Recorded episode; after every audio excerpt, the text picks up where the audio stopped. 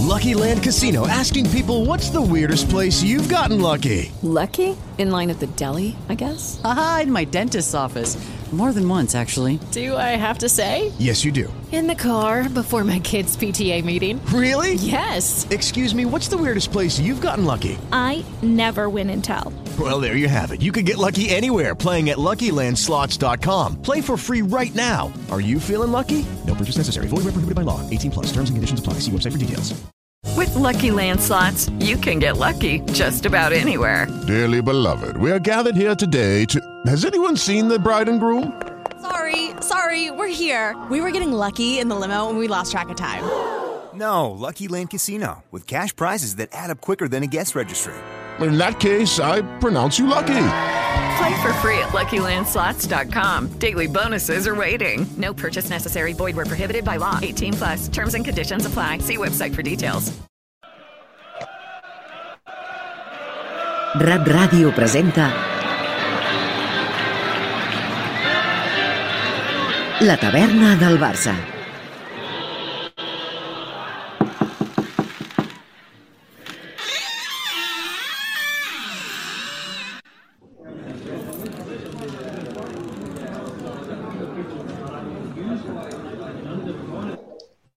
Bona nit, benvinguts i benvingudes a un nou programa de la taverna del Barça. En futbol femení, un gol històric que va donar els tres punts uh, contra l'Atlètic de Madrid, amb l'únic gol d'Alexia Putelles que ja ha superat el rècord i és la màxima golejadora del club amb 188 gols. El Barça Atlètic tampoc va fallar i també per un gol a zero van superar el Terol amb gol de Diego Percan. En bàsquet masculí, victòria de mèrit per seguir sumant davant el Gran Canària per 73 a 83. En futbol sala, nova victòria dels de Jesús Velasco per 6 a 1 contra l'Alzira. En handbol som líders del grup de la Champions, després d'imposar-nos a l'equip de Dinamarca GOG per 30 a, a 38. I en hoquei patins també som líders en solitaris de la Lliga després d'estar invictes i d'haver guanyat 9 dels 9 punts possibles. Aquesta passada jornada vam guanyar el pas al coi per 6 a 0 al Palau Blaugrana. Dit això, ja sabeu que el Barça és el Barça i aquesta és la seva taverna. Benvinguts i benvingudes a totes vosaltres. Ja sabeu que aquesta nova temporada comptem amb dues seccions. Em toca donar la benvinguda al Jordi Gairín des de Luxemburg. Com estàs? Doncs, escolta, molt content de tornar-te a veure, Caral. Ja sé que fa dos dies que ens vàrem veure eh, presencialment, però, escolta, també és un plaer tornar-vos a veure a tots, que aprofito que avui hi són eh, per donar les gràcies de cop al Salva i al Juan de la Cruz eh, pel magnífica tarda vetllada que ens varen fer passar a Luxemburg i això, repeteixo, moltes gràcies un altre cop. I dit això, dir-te que l'únic partit que vam perdre va ser el del femení eh, aquesta setmana, que no ho has comentat, que vàrem perdre, eh, no me'n recordo contra qui, però bueno, es pot perdonar eh, ja que hem guanyat tots els altres. I anem per feina, que tenim tela amb les penyes, perquè començarem fent un petit repàs de, de totes de les activitats que es van fer la setmana passada. Hem de dir com no pot ser d'altra manera, començant per la conferència Barça i Catalunya a la penya blaugrana de Luxemburg, la segona part a càrrec del Salva Torres i amb la presència, com deia, del Juan de la Cruz i de tu mateixa. Uh, va ser per celebrar el 15è aniversari. Això dissabte 14 va haver-hi la 29a trobada de penyes de les Terres de l'Ebre, al Parelló, uh, que celebraven també el seu 40è aniversari. Uh, la penya blaugrana de l'Escala també va organitzar el seu torneig de botifarra, i va, es va celebrar també el 45è aniversari de la penya blaugrana Sant Feliu de Llobregat. Diumenge 15 d'octubre, trobada de penyes del Bages i Berguedà i la Cerdanya que va comptar amb la presència del president Laporta i així com la celebració del 50è aniversari de la penya blaugrana a Montserrat, de Monistrol, eh, de Monistrol de Montserrat. Dimarts, ara anem a les activitats de la setmana entrant. Demà, el Salva que no para farà una conferència del Barça Catalunya a la penya blaugrana de la Garriga. En aquest cas és la primera part eh, i es farà l'edifici Can Raspall de la Garriga. Dissabte 21 d'octubre hi ha l'Assemblea de la Federació de Penyes d'Extremadura a Guarenya, Badajoz, i així com el 40è aniversari de la penya blaugrana Guarenya. És a dir, eh, s'aprofita el 40è aniversari per fer l'assemblea. Participació, també la penya blaugrana de Sant Joan d'Espí participarà a la Diada d'Entitats i eh, també hi ha el 41è aniversari de la penya Torrejón de Ardoz, que Josep Ramon, m'imagino que hi aniràs, eh, 14è memorial a Martín Martínez de la penya blaugrana Andújar i la penya blaugrana de la societat col·labora en la ruta solidària Down Horta. I també m'agradaria esmentar que aquesta setmana s'ha s'ha aprovat una nova penya, que s'ha fet oficial una penya a, a la, en aquest cas a Dakar, la penya blaugrana de Dakar, eh, que compta ja amb més de 100 penyistes, i aquesta és la 29a penya eh, oficial al continent africà. N'hi ha 13 al Marroc, dues a Túnez, una a Argèlia, una a Burkina Faso, una altra al Congo, Egipte, Ghana, Costa de Marfil, Mozambic, la República de, de Benin, Ruanda i ara amb aquesta ja en tenim una altra al Senegal. És a dir, que anem creixent, creixent, tot el moviment penístic va creixent. I això és tot pel que fa a les penyes. Doncs uh, m'encanta. A més a més, que hi hagi una penya nova del Barça sempre dona satisfacció. A mi sempre uh, m'agrada i saber que també les penyes no paren. Uh, això és el que, el que més ens motiva. Uh, Salva Torres, bona nit, com estàs? Ben tornat. Ben tornats a tots vosaltres. Hola, Juan, ¿cuánto tiempo? ¿Qué tal? Sí, hace mucho, ¿eh? hace unos días. ¿eh? Y al final cerramos aquel bar tú y yo hablando, pero eh, de cosas filosóficas de primer orden. ¿eh?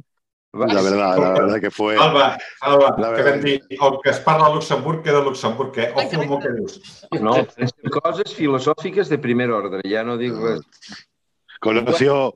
¿Se me escucha bien a mí o qué? Sí. Perfectamente. Se escuchó, se...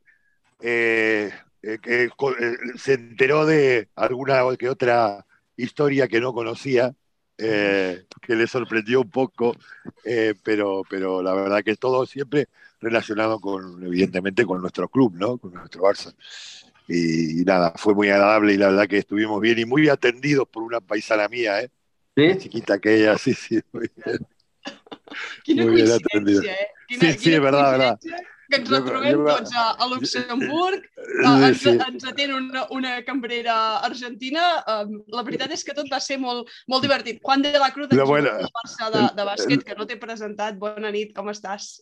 Todo bien, todo bien. Encantado de veros a todos y, y nada, oye, aquí, mira, eh, de vuelta pues eh, en la actividad, ahora vuelta otra vez a, a- con los chicos a curar con el básquet y tal, y nada, bien, bien. Hoy lloviendo, por cierto, hoy ha caído aquí una linda, una, una linda lluvia y recuperándome porque no sé por qué, la verdad, yo creo que del avión tengo agujetas en los gemelos y tengo agujetas en, no sé, no sé, estoy como, estoy como Pedri, estoy como Pedri. O sea, y no, no sé cabes, por qué, la no. verdad. que- No, eh, no cabes, Juan, en el avión. No, no, que va, que va, sí, eso aquí el amigo Jordi me hizo, vamos, era, eh, estaba en un sitio genial, pasé por sitio, no, la verdad que me, me- me atendieron bien y estuve en un viaje que va, si me dormí en el avión, yo soy muy fácil, fácil, fácil me duermo, vaya, encima, si estoy cómodo, peor todavía, o sea, me duermo, me duermo rápido. Com, com ens agrada. Juan, abans de, de res i de seguir parlant i de, i de presentar un altre convidat que tenim avui, um, Salva, ens parlaràs de, de les efemèrides. Què passa el 16 pues- d'octubre?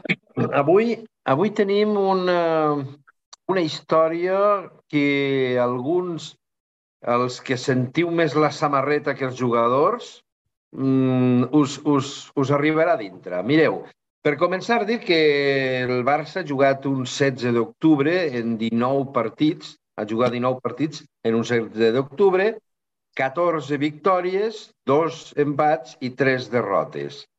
El primer empat va venir en 1976 i la primera derrota en 1977. O sigui, que un 16 d'octubre el Barça es va passar 77 anys sense saber què era altra cosa que guanyar. Per tant, el 16 d'octubre ja és un dia per, per estar contents.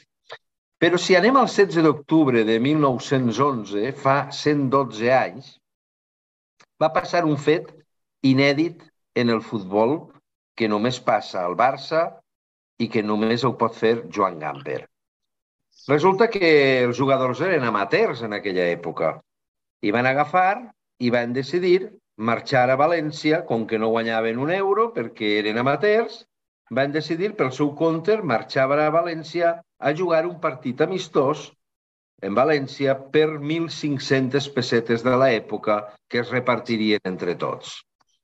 Al final, aquell partit no es va arribar a jugar, l'emprenyada que va agafar Gamper va ser monumental. I les emprenyades no eren com les d'avui en dia, els presidents, no. Gamper, quan agafava l'emprenyada, l'agafava ben agafada. I què va fer? Va fotre del club, ni més ni menys, que als que no coneixeu aquella època no us sonarà de res, però als que coneixeu aquella època sí que sonarà la importància dels jugadors. A Quirante, a Bru, a Solà, als germans com a Mala, un dels quals era un tio que fotia dos i tres gols per partit, al Mensa i als germans Wallace. És a dir, els va fotre tots fora. Aquests jugadors van formar un equip que va tindre una poc, un molt poc recorregut, dos, tres anys, que es deia el Casual Club de Futbol. Doncs bé, el, el Barça es va refer en la incorporació de nous jugadors, nous valors, entre ells, per exemple, Paulino Alcántara, i un, i un dia van jugar el casual de les grans figures contra el Barça dels nous jugadors. El resultat va ser de 7 a 0 a favor del Barça. I a partir d'aquí, la frase que ha passat a la història de Joan Gamper, que va dir la força és del nostre club, no dels jugadors que s'hi alineen. Una frase que podíem posar avui en dia també molt de moda, sobretot quan volem fitxar a, a, a gent rara d'aquesta de, del teletienda. Us agrada la història o no? Home, sempre m'agraden les històries que, que ens porta Salva. A més a més, aquesta frase és la típica que et poden posar a l'entrada del teu institut. Doncs en aquest sentit, aquesta la poden posar a les afores del, del nou Camp Nou. Uh, podrien podrien posar-la perquè, perquè voregés. Jo deixo la, la meva idea a l'aire i llavors que l'agafi qui vulgui. Avui també tenim amb nosaltres el Josep Ramon Casas de Madrid. Josep Ramon, bona nit, com estàs? Hola, bona nit, què tal, com esteu? Luxemburguesos de naixement, d'adopció i visitats. Pràcticament, menys el francès i jo, ja heu estat tots.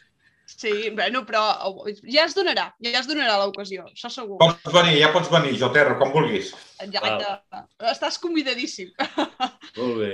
També tenim amb nosaltres el Francesc Fernández, eh, ell és periodista, a més a més, és l'autor del llibre La història del Barça de bàsquet eh, de l'any 1926 al 1940. Um, Francesc, benvingut a la taverna i vull que comencis amb una efemèride del Barça de bàsquet d'avui. Bé, bona nit, a, bona nit a tothom i abans de res, gràcies per, per haver-me convidat a ser avui en el vostre programa. I sí, ara estava escoltant en Salva, eh, explicava diverses efemèrides i, i aquesta del, de tal dia com avui de l'any 1911. El bàsquet també té una efemèride d'un 16 d'octubre de 1927 i és una efemèride bastant grossa perquè va portar el naixement de l'Espanyol de bàsquet. Eh, I us explico el 16 és la primera, perquè ens, perquè ens situem, estem vivint temporada 26-27, primera temporada, temporada fundacional del Barça de bàsquet. Eh, acaba la temporada a l'estiu i al mes d'octubre eh, el Barça juga un pacte dos amistosos amb un equip militar, eh, amb l'equip de bàsquet del Regimiento Alcántara. Eh, primer, el, es juga l'11 de setembre de 1927 es juga al terreny del sol de baix, el Barça, el Barça guanya aquell partit 10 a 6, no passa res, i eh, els dos equips queden entesos per jugar una mena de tornada el 16 d'octubre a la pista del Regimiento Alcántara. Eh, aquell partit, el Barça és apalli... no, apallissat és poc, el Barça és massacrat. El Barça perd per 40 a 2 aquell partit. El Regimiento Alcántara es jugava a bàsquet des de pràcticament des de l'any 21-22. Els equips en aquella època, tingueu en compte que s'entrenaven un parell de dies a la setmana com a màxim, l'equip del Regimiento Alcántara no, s'entrenava cada dia i amb una disciplina militar. Doncs el Regimiento Alcántara li guanya 40 a 2 al Barça. Aquell equip del Regimiento Alcántara està liderat per un capità d'infanteria que es diu Rafael Miralles. I en aquell equip del Regimiento Alcántara hi ha un jugador que està fent el servei militar, un jugador del futbol de l'Espanyol, que es diu Pere Soler, que mentre fa el servei militar s'entreté i juga amb l'equip de bàsquet del Regimiento Alcántara. En veure la pallissa que ells li claven al Barça, el capità Rafael Miralles, el que aquest capità d'infanteria, diu, escolta, doncs potser tenim un futur. I mitjançant Pere Soler, que era jugador de l'Espanyol de futbol, repeteixo, estava fent la mili al Regimiento Alcántara, eh, ofereixen, s'ofereixen en bloc, el senyor Rafael Miralles, el capità Rafael Miralles, ofereix el bloc sencer de l'equip a l'Espanyol. I li diu, escolta, Hello, it is Ryan, and we could all use an extra bright spot in our day, couldn't we? Just to make up for things like sitting in traffic, doing the dishes, counting your steps, you know, all the mundane stuff. That is why I'm such a big fan of Chumba Casino. Chumba Casino has all your favorite social casino style games that you can play for free anytime, anywhere with daily bonuses. That should brighten your day a little. Actually, a lot. So sign up now at chumbacasino.com. That's chumbacasino.com. No purchase necessary. VGW Group. Void were prohibited by law. See terms and conditions. 18 plus.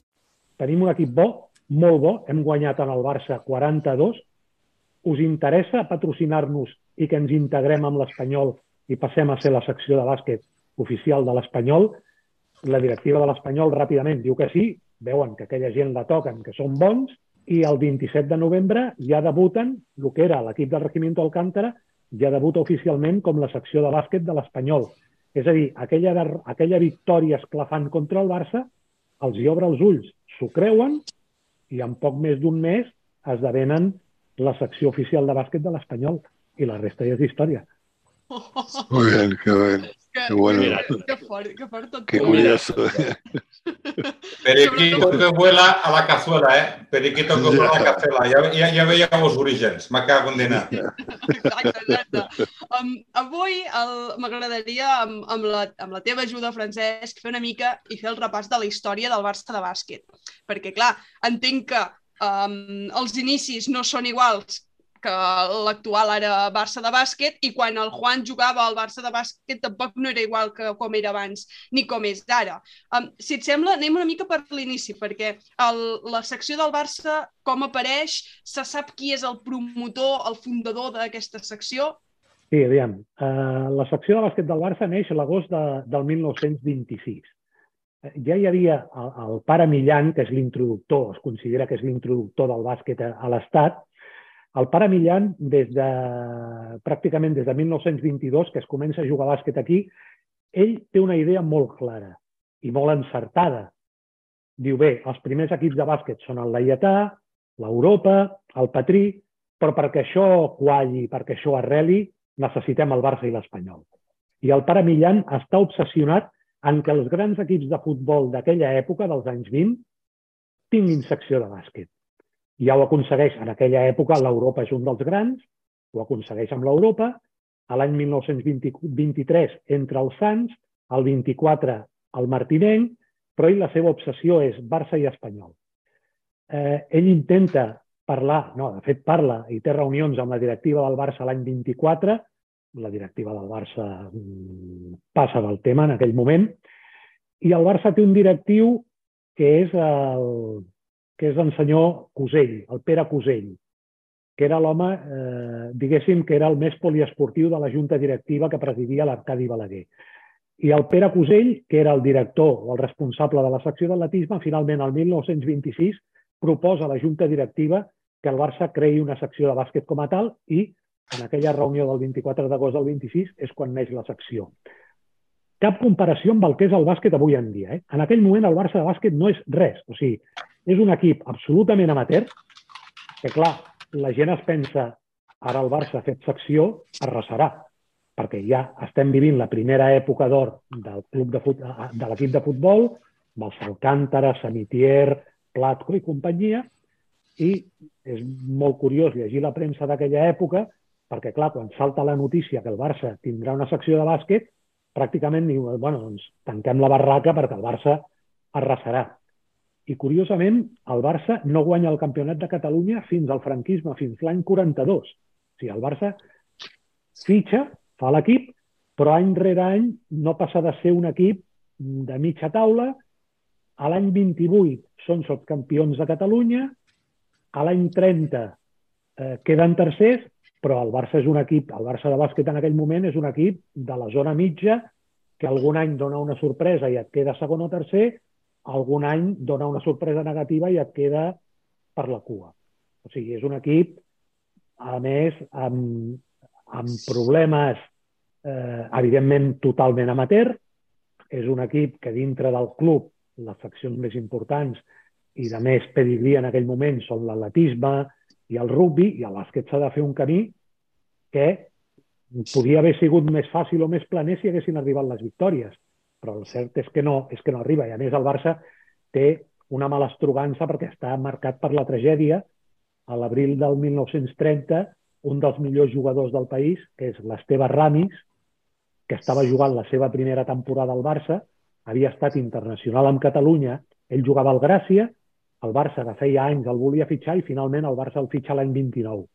I quan està jugant la seva primera temporada amb el Barça de bàsquet, l'Esteve Ramis, en qüestió de 10 dies, agafa una malaltia respiratòria i es mor. Es mor. O sigui, així de clar. Allò, evidentment, destrossa l'equip. El següent partit que el Barça ha de jugar és a Sabadell.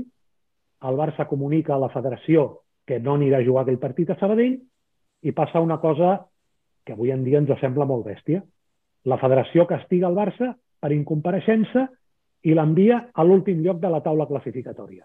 El Barça queda últim. Això què implica? Que per seguir a la primera divisió del Campionat de Catalunya la temporada següent, el Barça havia de jugar una promoció per mantenir-se. Possiblement, si el Barça hagués perdut aquella promoció, hagués desaparegut la secció de bàsquet. Però el Barça guanya aquella promoció, segueix, segueix a la, a la primera i va trampejant més o menys fins que arriba la Guerra Civil, però el Barça no té, no és un equip important en el bàsquet català fins a la dècada dels 40. Um, justament, el Jordi tenia una pregunta en aquest sentit. Sí, exacte, Francesc. Quan, quan consideres doncs, exactament que, que el Barça es consolida, la secció de bàsquet del Barça es consolida com una secció potent eh, dins de l'estructura del club? I quins serien els, els primers grans heros de, de la secció de bàsquet? Aviam, ja et dic, possiblement el, aquella promoció que el Barça, que l'equip ha de jugar el 1930, marca un punt d'inflexió, perquè, clar, tothom es pensava que el Barça seria el Nova Mas, però aquell equip no, no arrencava. Aleshores, jo crec que, que més que de moments hem de parlar de persones. Hem de parlar de, de dues o tres persones que són les que fan que allò s'aguanti. La primera és, eh, és el, el, cunyat de, el cunyat del Gamper, que ara, ara m'acaba ara m'acaba de, de fugir el nom, el nom d'estudi, eh, Joan Baptista Soler, que és cunyat del Gamper, eh, perdó, no, Joan Baptista Soler no, Miquel Elias, cunyat de Joan Gamper, que entra a la Junta Directiva l'any 27, en els primers mesos de la vida de la secció. En Miquel Elias diu, això per tirar endavant necessitem infraestructura i necessitem pedrera. I ell és l'encarregat de que el Barça tingui una bona pista de bàsquet al complex del Sol de Baix i ell és l'encarregat de que el Barça tingui pedrera i comença a treballar amb els equips de base. Aquesta és una, una de les figures claus, el Miquel Elias. I per mi hi ha una altra persona clau, que és en Francesc Cardús. En Cardús arriba al Barça quan funden la secció per ser jugador. Ell jugava a l'Atlètic Bricall i arriba per la primera temporada com a jugador. Ell és jugador els primers anys, es retira de jugador desapareix, té la seva feina, desapareix el bàsquet i a l'any 33 torna al Barça com a entrenador. Fa d'entrenador una temporada i aleshores aquí és el moment, per mi és el moment clau. A l'any 34 el Francesc Cardús passa d'entrenador a general manager de la secció. I és l'home que aguanta viva la secció quan la guerra civil perquè fa de tot. O sigui, ha estat jugador, entrenador, arriba la guerra, ell és el mànager, quan s'acaba la guerra i tothom refà les seccions de bàsquet, el Barça no la pot refer fins l'any 40 perquè, primer, el club està per altres històries i el bàsquet és residual i segon, la Federació Catalana de Bàsquet, no ens enganyem, tampoc no té cap interès en que el Barça torni, el franquisme col·loca com a president de la Federació Catalana de Bàsquet el Julio Clavero, que era el directiu responsable de l'Espanyol. Aleshores, sí, així I el senyor Julio Clavero col·loca de directors del col·legi d'àrbitres a dos àrbitres que fora de la pista eren pericos reconeguts, que eren en Josep Brutons i en Santiago Monerris. Eren, aleshores, clar, eh, qui aguanta allò és en Cardús. En Cardús, després de la Guerra Civil, es troba, bueno, imagineu el que significava ser del Barça a l'any 40. Evidentment, sotmesos a informes de, del nou règim, en Cardús, oficialment, com havia estat directiu durant els anys de la Guerra Civil, durant el període rojo, en Cardús oficialment no pot signar cap paper perquè ell està subjecte a escrutini i ell, bueno, d'alguna manera fa l'equip, comença a fer-ho tot. És a dir, si no hagués estat en Cardús, mm, jo, possiblement el Barça hagués tingut la secció, però no ens oblidem que el Barça l'any 42 ja és campió de Catalunya i a l'any 46-47 el Barça fa una fita que jo crec que no la podrà fer mai més. Si ara jo us pregunto, o a qualsevol aficionat del bàsquet preguntem, escolta, quina ha estat la millor temporada del Barça? Hi haurà gent que dirà la de la primera Eurolliga l'any 2003, la de la segona Eurolliga l'any 2010, aquell equip de Solozábal, Epicibilio, de la Cruz, Jiménez, Norris, aquella època. Possiblement sí, però hi ha una cosa que passa molt desapercebuda. La temporada 46-47, el Barça de bàsquet guanya tots els títols i guanya tots els partits durant la temporada. Guanya el Campionat de Catalunya, guanya la Lliga Espanyola, primera edició de la Lliga Espanyola, guanyant en la primera jornada la pista del Madrid per 18 i aquí a les Corts per 52 en el Real Madrid.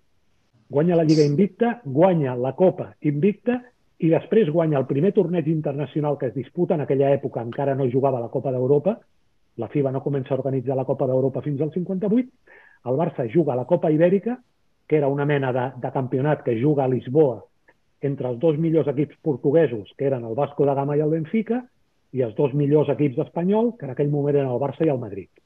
I el Barça, per rematar la temporada, guanya la Copa Ibèrica quedant invicta. Arran d'això, la Virtus de Bologna ve a Barcelona, la Virtus de Bologna, campiona d'Itàlia, ve a Barcelona i perd davant el Barça. O sigui, aquell equip és brutal, liderat per en Kucharski, i és un equip que a mi em sap molt de greu perquè no tenen cap reconeixement. En Fernando Font, d'entrenador, no els coneix gairebé ningú. I és un equip que serà impossible que un equip guanyi tots els títols en una temporada i guanyi tots els partits. Uh, que fort, i, i uh, que m'ha impactat tot plegat. Uh, Juan, ¿tú vols dir alguna cosa? Sí, no, le quería preguntar, la verdad que estoy flipando ¿no? con las historias que está contando, eh, entre lo que contó Salva el otro día y lo que está contando ahora, la verdad que uno está pillando la historia que no conocía, ¿no? El, ¿Dónde jugaban? ¿En el, lo que es el pique, lo que era el picadero? ¿En qué, ¿En qué época? En esa que estás contando, la de No. Curche. No. No, Porque has dicho las Corts, has dicho las Sí, Corts, donde... Sí, el Barça, el Barça juga, comença jugant al Sol de Baix, que és un complex esportiu que l'equip té a, bueno, el que ara és la plaça del Sol de Baix, allà a les Corts. Ajá. Allà té la primera ciutat esportiva, diguem. Allà l'equip juga des de 1927 fins al 32. ¿Pero Ya. que eran pistas abiertas? ¿Eran pistas abiertas o eran pistas o pabellones era- cerrados? Era un complex esportiu, dintre del complex hi havia eh, una pista d'atletisme, la pista de bàsquet i estava, era un complex tancat. Era un Vale, complex tancat, aleshores entraven els socis o el públic pagant entrada. A l'any 32 el Barça deixa el sol de baix perquè no pot pagar el lloguer i habiliten una pista a sota mateix del gol sud del camp de les Corts.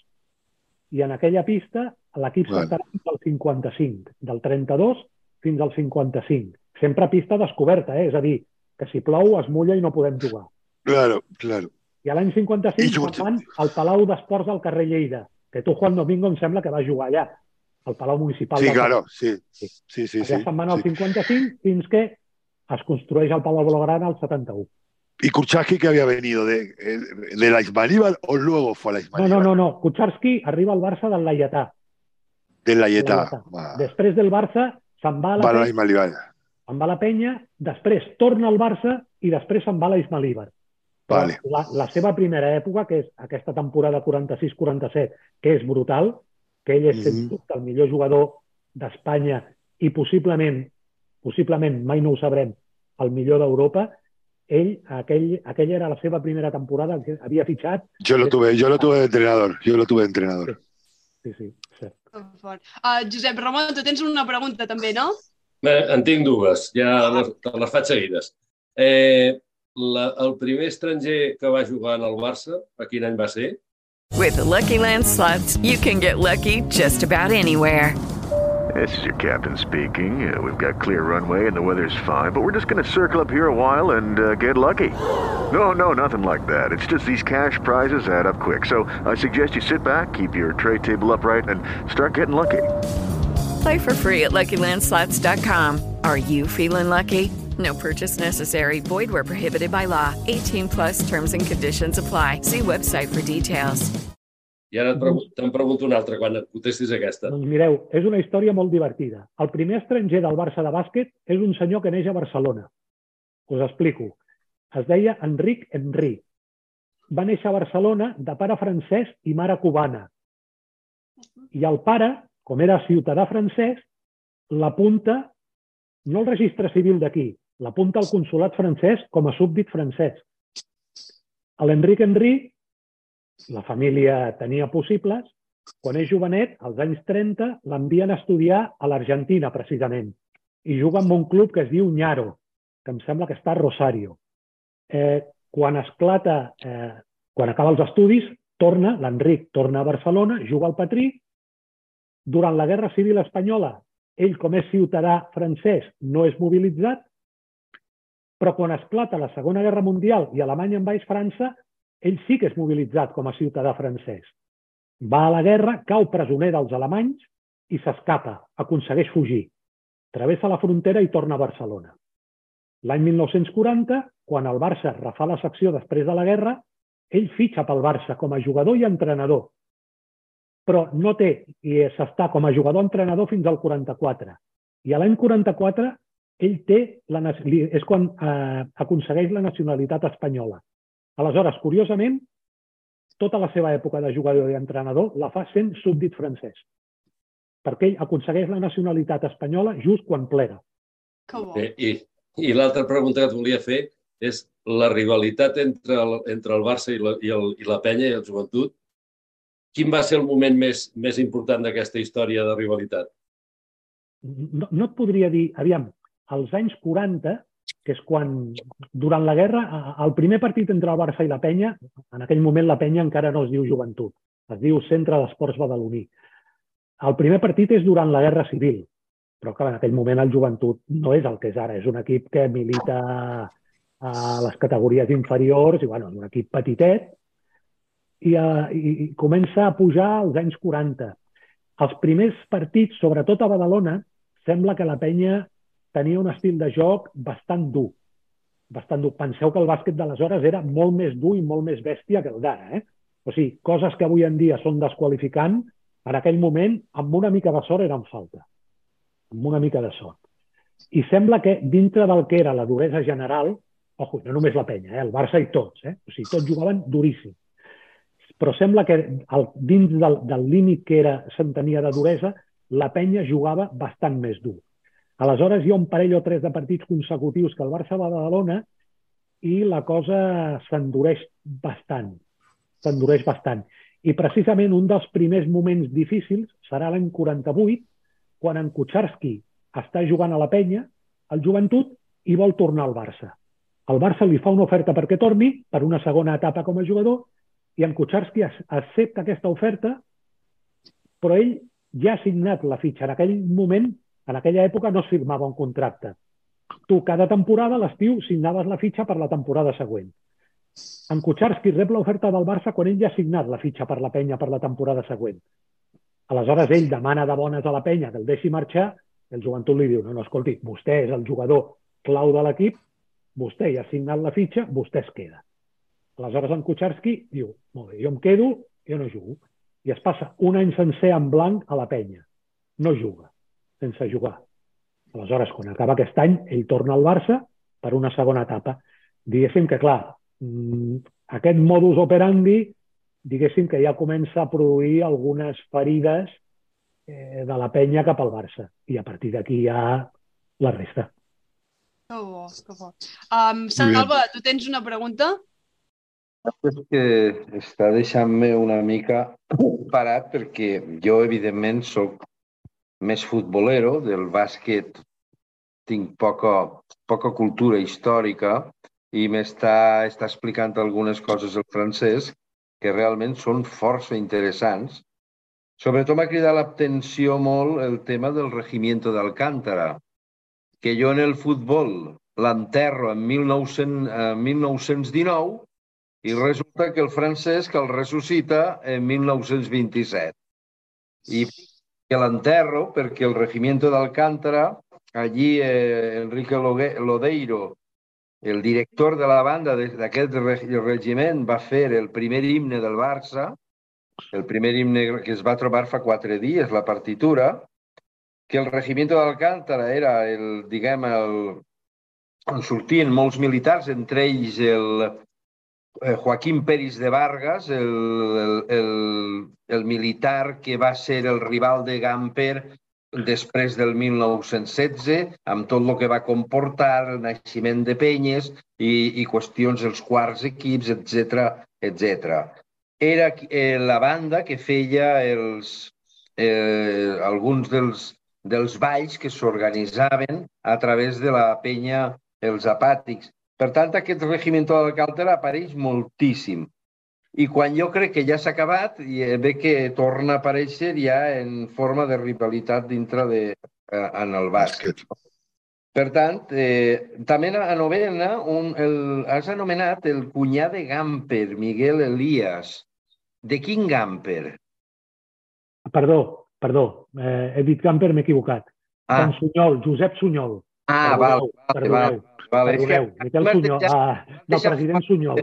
Fora de combat, dic, dic ara sí que ja no ho entenc. No, no, del president Josep Sunyol, era el cunyat d'en Sunyol. Ara sí, sí, sí, vale, d'acord. I ara uh, la pregunta, la gran rivalitat Barça-Madrid arriba amb Raimundo Saporta? Sí, sens, sens dubte. Sens, a veure, els fets del 1943, de l'11... Per cert, si em permeteu un incís del Regimiento Alcántara? Sí. Aquest Regimiento Alcántara, a l'any 36, el general Batet, un dels facciosos del 19 de juliol, dona instruccions al Regimiento Alcántara perquè surti en columna a atacar la Conselleria de Governació de la Generalitat. I és un dels regiments que és aturat per, la, per les forces lleials de la República i pel poble, aquest, aquest regimiento. Doncs eh, el que us deia al Madrid, a l'11-1 del, del 43 eh, té, una, té una derivada, lògicament, en el bàsquet. Eh, quan el Barça va per primera vegada a Madrid, després d'aquell 11-1 del futbol, diguéssim que no ho passa especialment bé. No ho passa especialment bé. A l'any 46-47, que us he esmentat el Barça de bàsquet que guanya, que guanya tot i guanya la Lliga, aquella lliga que guanya el Barça actualment no està reconeguda per la Federació Espanyola de Bàsquet. No la reconeix. No la reconeix. No la reconeix. Eh, diuen, en aquella època, el Saporta no era res, però quan 10 anys després es juga la que ara sí que vale la primera liga oficial, que curiosament la guanya el Madrid, en Saporta ja és l'amo del bàsquet espanyol. Aleshores, ningú explica, no hi ha cap paper oficial però tot sembla indicar que ens aporta, decideix que aquella primera lliga no val perquè el campió és el Barça, el segon és el Montgat, un altre equip català, i el Madrid, com us he explicat, rep del carpó, o sigui, rep fort. Aquí a la pista del Barça perd de 52 i allà a Madrid també també perden. Aleshores, ens aporta, decideix que aquello no vale. Clar, a partir d'aquell moment la rivalitat, diguéssim, Barça-Madrid és més transportada des del futbol, igual com la rivalitat Barça-Penya és més pròpia, que neix del bàsquet, la rivalitat amb el Madrid és, és importada, és importada del futbol, perquè a més el Barça comet una errada històrica al president Llaudet quan l'any 61 li regala l'hegemonia al Madrid. L'any 61 el president Llaudet deixa el Barça de bàsquet, el, fa, el converteix en amateur i el, i el posa a jugar al Campionat de Catalunya. Un equip que l'any anterior havia guanyat Lliga i Copa i havia jugat la Copa d'Europa. I en Llaudet diu que hi ha un dèficit i desmunta la secció de bàsquet i a la temporada següent el Barça ha de jugar al Campionat de Catalunya. Desapare... Aquell any desapareix a l'Orillo Verde, l'any següent desapareix l'Espanyol i l'any següent a l'Ismalíbar. Aquesta debacle del bàsquet català en qüestió de 3-4 anys, l'únic que fa és regalar-li al Real Madrid una hegemonia brutal, perquè de cop i volta es troba que domina Espanya i que té accés a tots els millors jugadors, a tots, i no té competència. I aquí és on s'aporta, que era també, a part de, de ser molt del Madrid, era molt llest, és quan el tio fa tots els fitxatges que vol i el Madrid es troba una autopista.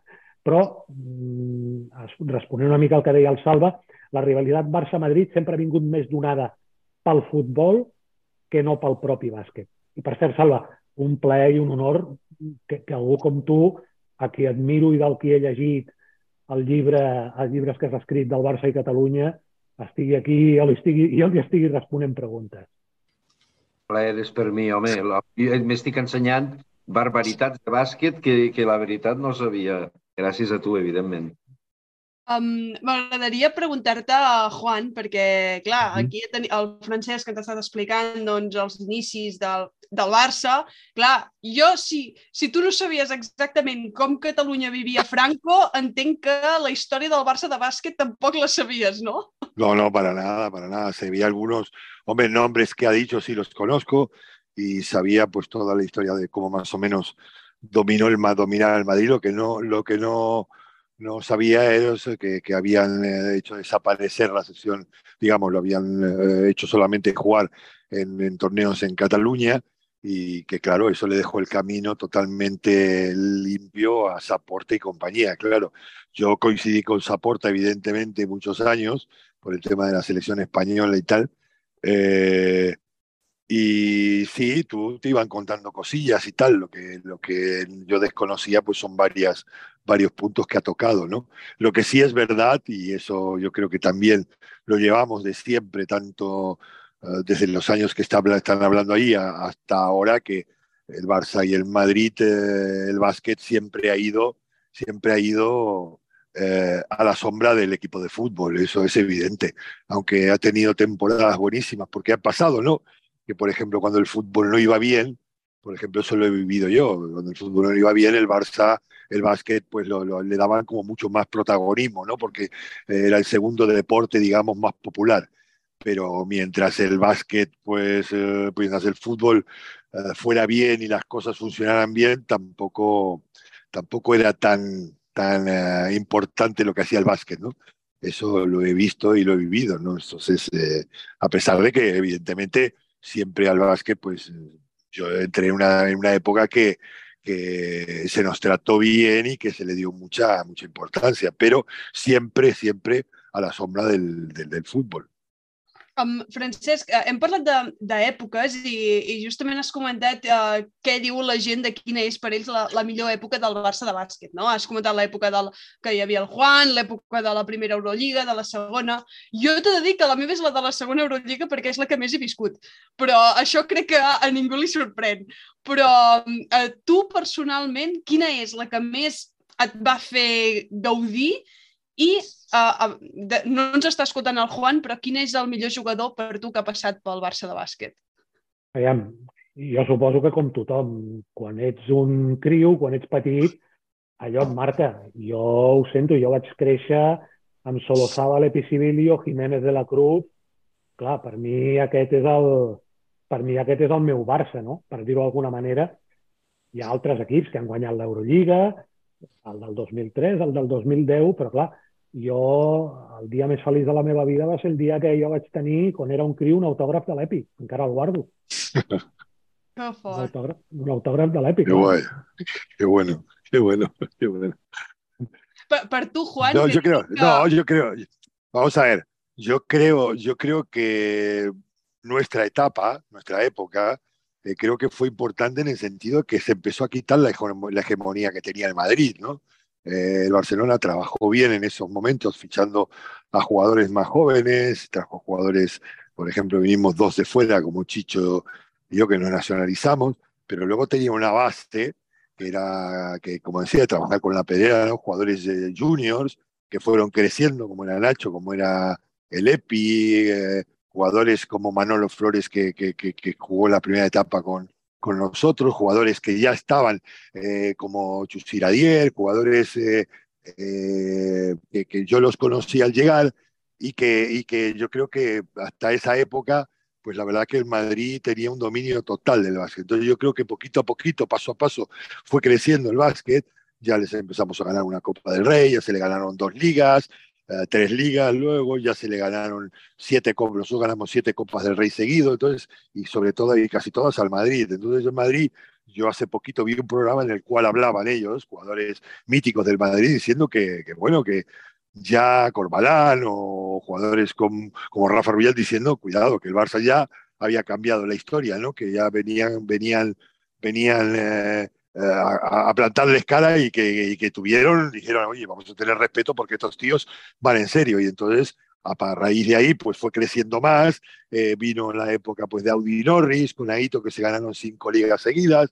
A mí lo que más me, lo que más me, eh, me da pena de esa época, digamos, hasta, hasta, el, hasta la primera, ¿no? Que se ganó la primera, la primera Euroliga, el no haber tenido jugadores míticos como el Epi, como el Chicho, como Nacho, como Audi, entrenadores como Aito, no haber tenido una, una, una liga, una Euroliga que llaman ellos. Nosotros yo perdí una que era una, una con el Banco de Roma, una, una, se jugaba diferentes sistemas, no era como ahora, que se hace con ocho equipos, con cuatro equipos, nosotros eran los dos mejores equipos, jugaban la... Y ahí nosotros perdimos una que yo estaba seguro que si, o estábamos seguros que si ganábamos esa, pues probablemente hubiéramos ganado alguno más, como se ganó luego la Recopa, ¿no? Ante los mejores equipos que había en ese momento. Entonces yo creo que eso fue cambiando la dinámica y luego pues ya el Barcelona empezó a darle mucho más importancia a lo que se estaba logrando y entonces ya tuvo una hegemonía durante, en el básquet bastante bastante importante, ¿no? Incluso pues hasta ganar, yo creo que merecemos alguna más, hasta ganar las, las Euroligas.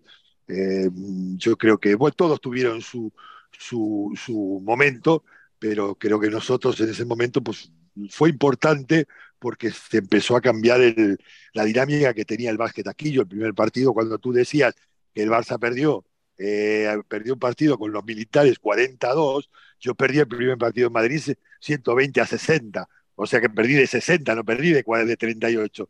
O sea, quiero decir que, que, eso es, fue duro, pero bueno, al siguiente partido ya les ganamos en casa y ya luego la dinámica fue cambiando. Entonces yo creo que para nosotros eh, ese granito de arena que se puso esa generación fue muy importante para la historia del básquet más moderna. No? ¿Volies dir alguna cosa, Francesc?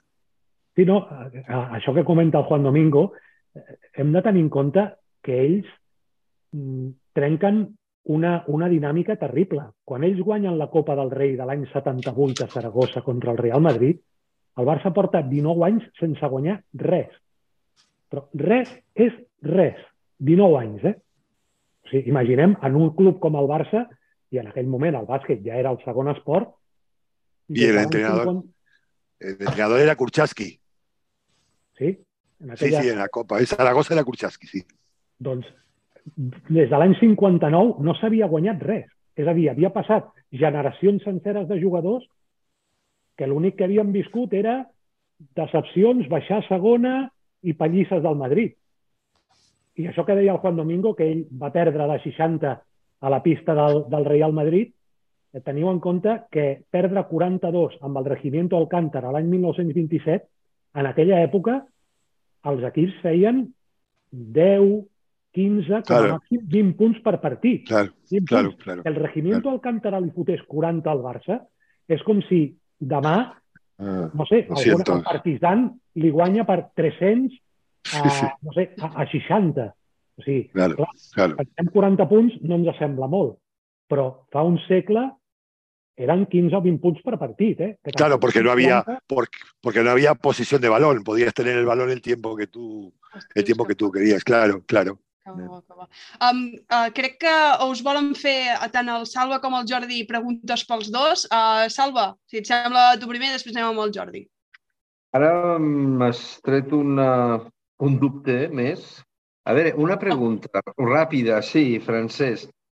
Eh, des de l'inici, el bàsquet, eh, cada anotació val dos punts, ja des de l'inici? Des del principi, dos punts. El que no hi havia era la línia de triple, evidentment. Claro. Dos, dos punts la cistella, un punt al tir lliure.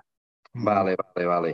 I ara m'agradaria fer-vos una pregunta als dos, perquè m'ho comentéssiu una mica des del punt de vista de l'historiador que ha, ha viscut les coses des de la premsa, des de la premsa de l'època, des de documents, etc. i després des del punt de vista de la persona que ho ha viscut a la pista. Què va passar aquell dia contra el Madrid quan el, Davis perd l'Ore musicalment i comença a, a mamporrazos amb l'Iturriaga, el Martín i a tots els que se'ls posava per davant. Ahir hi havia alguna, algun transfons més que venia de darrere ah. i o bé què va passar a la pista i com ho va veure Juan de la Cruz. No, primero la prensa, a ver que diga lo no, que No, no, jo, jo, jo en, en aquella Ah, època vale. jo era molt jovenet, encara no... Era muy joven, claro, claro. Sí, sí, jo, jo era un nen. en No, no, no, no había, no había nada especial, no había nada especial porque los jugadores eh, ya ahí, nosotros éramos compañeros de selección de, de mucho tiempo. ¿Qué va a pasar? Pues que lo conté el otro día, te lo conté a ti, o sea, lo hablamos tomando esa, esa Coca-Cola que estábamos bebiendo los dos. El, eh, Mike tenía, era un jugadorazo, Mike era una auténtica bestia, pero tenía un punto que le hacía, le hacía interferencia y ese punto que le hacía interferencia se le cruzaban los cables y reaccionaba muy mal. Entonces, la historia vino que fue que fue Iturriaga el que lo provocó, porque Iturriaga le tiró un codazo por detrás, le pegó un golpe, y entonces él, él se, se dio vuelta y tiró un golpe que no lo, haga- no lo pilló, pues si lo pilla lo, todavía lo están buscando el Iturriaga. Y él reconoce que fue él el que provocó. ¿Qué pasó? Que se lió, se lió y luego, pues evidentemente, como se manejaba, o todavía se manejaba el básquet, como se manejaba, creo que había un tal, puede ser masón, sí, ¿no? que era, que era el. Masón, que era el de comité de competición. Eugenio reunieron, efectivamente, se reunieron en la ciudad deportiva y sancionaron al jugador que no tenían que sancionar. Entonces, de ellos, el nuestro era Mike, evidentemente, pero de ellos no lo sancionaron. Entonces, ¿qué pasó? Hubo muchas, muchas, eh, muchas cosas que se dijeron y no era verdad. O sea, se dijo que Nacho fue el, el que nos solosaba, el que instó a que nos fuéramos y tal, y no es verdad, eso no es verdad. Nosotros todos queríamos jugar, todos los jugadores estábamos por jugar, pero el presidente dijo, nos tenemos que ir, nos vamos, y quien paga mana, ¿no? Entonces, pues oye, mira, pues nos tuvimos que volver, no queríamos porque nosotros estábamos convencidos que les íbamos a ganar, estábamos convencidísimos, es el tercer partido, pero nos mandaron de vuelta, cosa que creo que ahí no se equivocaron. Y fue que el partido, evidentemente, la liga la ganaron ellos, porque al no presentarlo, pues le dieron el partido ganado. Pero no, no había nada, te digo, no había nada de. Bueno, había los, los, típicos piques que han existido siempre, pero nosotros a los dos días nos juntábamos, pues, cinco jugadores del Barcelona y cinco jugadores del Madrid en Mallorca, aquí en Mallorca, con la selección. Y entonces Antonio, yo lo conté el otro día, el Antonio Díaz Miguel me llamó a mí, que yo era uno de los veteranos, y me dijo, hostia, Juanito, ¿qué pasa? Que, uy, va a ver, estaba preocupadísimo. Y que va, nos juntamos, nos fuimos todos a tomar ahí un, una Coca-Cola a la discoteca Titos y estábamos todos ahí, pues, eh, pues ya había pasado, la historia había pasado. Nosotros, cuando se terminó, se terminó. Que había jugadores a lo mejor que entre ellos, pues había menos feeling, sí, por- probablemente. Pero nosotros, la verdad que fue por, el, por la salida de, de la mala actuación del Iturriaga y por la- el, el chip que se le cruzó a, a Mike. Y entonces, pues se lió la que se lió. Pero a nosotros ahí, el comité de competición, evidentemente nos timaron porque, porque no, no actuaron como tenían que actuar, no se hizo lo que tenía que hacer. Y sancionaron al jugador que no, que no, debía, sancionar, que no debía sancionar, y el que la lió, jugó. Entonces, quiero decir que vamos, que fue, fue lamentable, pero no nos teníamos que haber ido, nos teníamos que haber quedado. Sempre s'han de jugar els partits. Uh, ens queda poc temps. Jordi, et deixaré que facis la, la última pregunta, va. Doncs vinga, també és una pregunta que potser me la podríeu respondre tots dos eh, i va sobre els entrenadors. Eh, a veure, el millor entrenador de, de la història del bàsquet, o són des del vostre punt de vista. Jo tinc dubtes. Jo tinc dubtes si és l'Antoni Serra, que per mi sí, a veure, dubtes, dubtes, o uh, l'Aito, o si discrepeu, vaja. L'Aito pel que ha comentat el Juan, eh, que, va, que va guanyar cinc lligues consecutives, però l'Antoni Serra, des del meu punt de vista, és el que va trencar aquesta, aquesta dinàmica guanyadora de, de, del Madrid, ¿no? Com ho veieu? Bueno, Antonio, Antonio lo que tenía que no rotaba ni en nada, vamos. O sea, era un tú jugabas y jugabas y no, no hacía cambios. Y yo creo que la primera, la primera, nuestro primer fallo en el Banco de Roma que perdíamos, que ganamos de 17 en el primer tiempo, fue porque no rotó. Él no rotó, no, no, no cambió jugadores. Jugadores que no estaban bien los siguió haciendo, aguantaron en el campo, y entonces no, no, no, no, no fue capaz de rotar ahí. Y por eso se perdió esa, se perdió esa, esa copa. Eh, no le echo la culpa a él porque fuimos jugadores, evidentemente, los que fallamos, pero si tú rotas, tiene la opción de otro puede estar mejor que otro, ¿no? Eh, vamos a ver. Yo la primera, el primer trofeo europeo que gané o que ganamos importante para mí, que yo el otro día pues me emocionaron ahí en Luxemburgo cuando pusieron las imágenes, fue la Recopa contra el Salguiris. ¿Quién era el entrenador? Manolo Flores. Yo creo que Manolo Flores es una persona que tendría que estar en lo alto del palau su camiseta porque es una persona que le ha dedicado toda su vida al Barça. Ahora, evidentemente, a mí solo me puede echar el mejor entrenador que hay en España.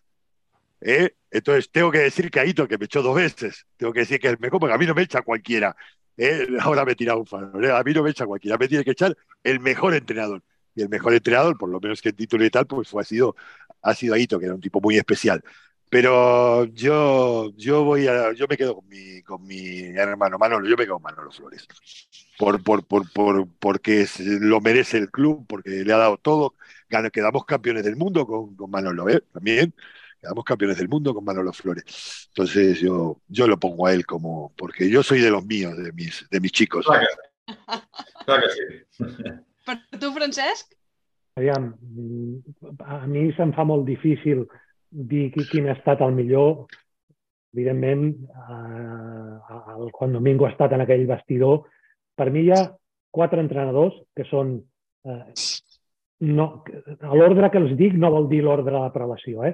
Xavi Pasqual, Pesic, Aito, i per mi hi ha un quart entrenador que el que us deia, dels anys 40, que no el coneix ningú, que és el Fernando Font, que és l'home que va ser entrenador 11 anys, del 44 al 55, és el constructor d'aquell Barça i és l'home que és l'entrenador del Barça la temporada 46-47, que es guanya tot i pràcticament l'home, evidentment, ja, ja és mort, però mm, jo crec que no va tenir mai el reconeixement que, que, que mereix el Fernando Font.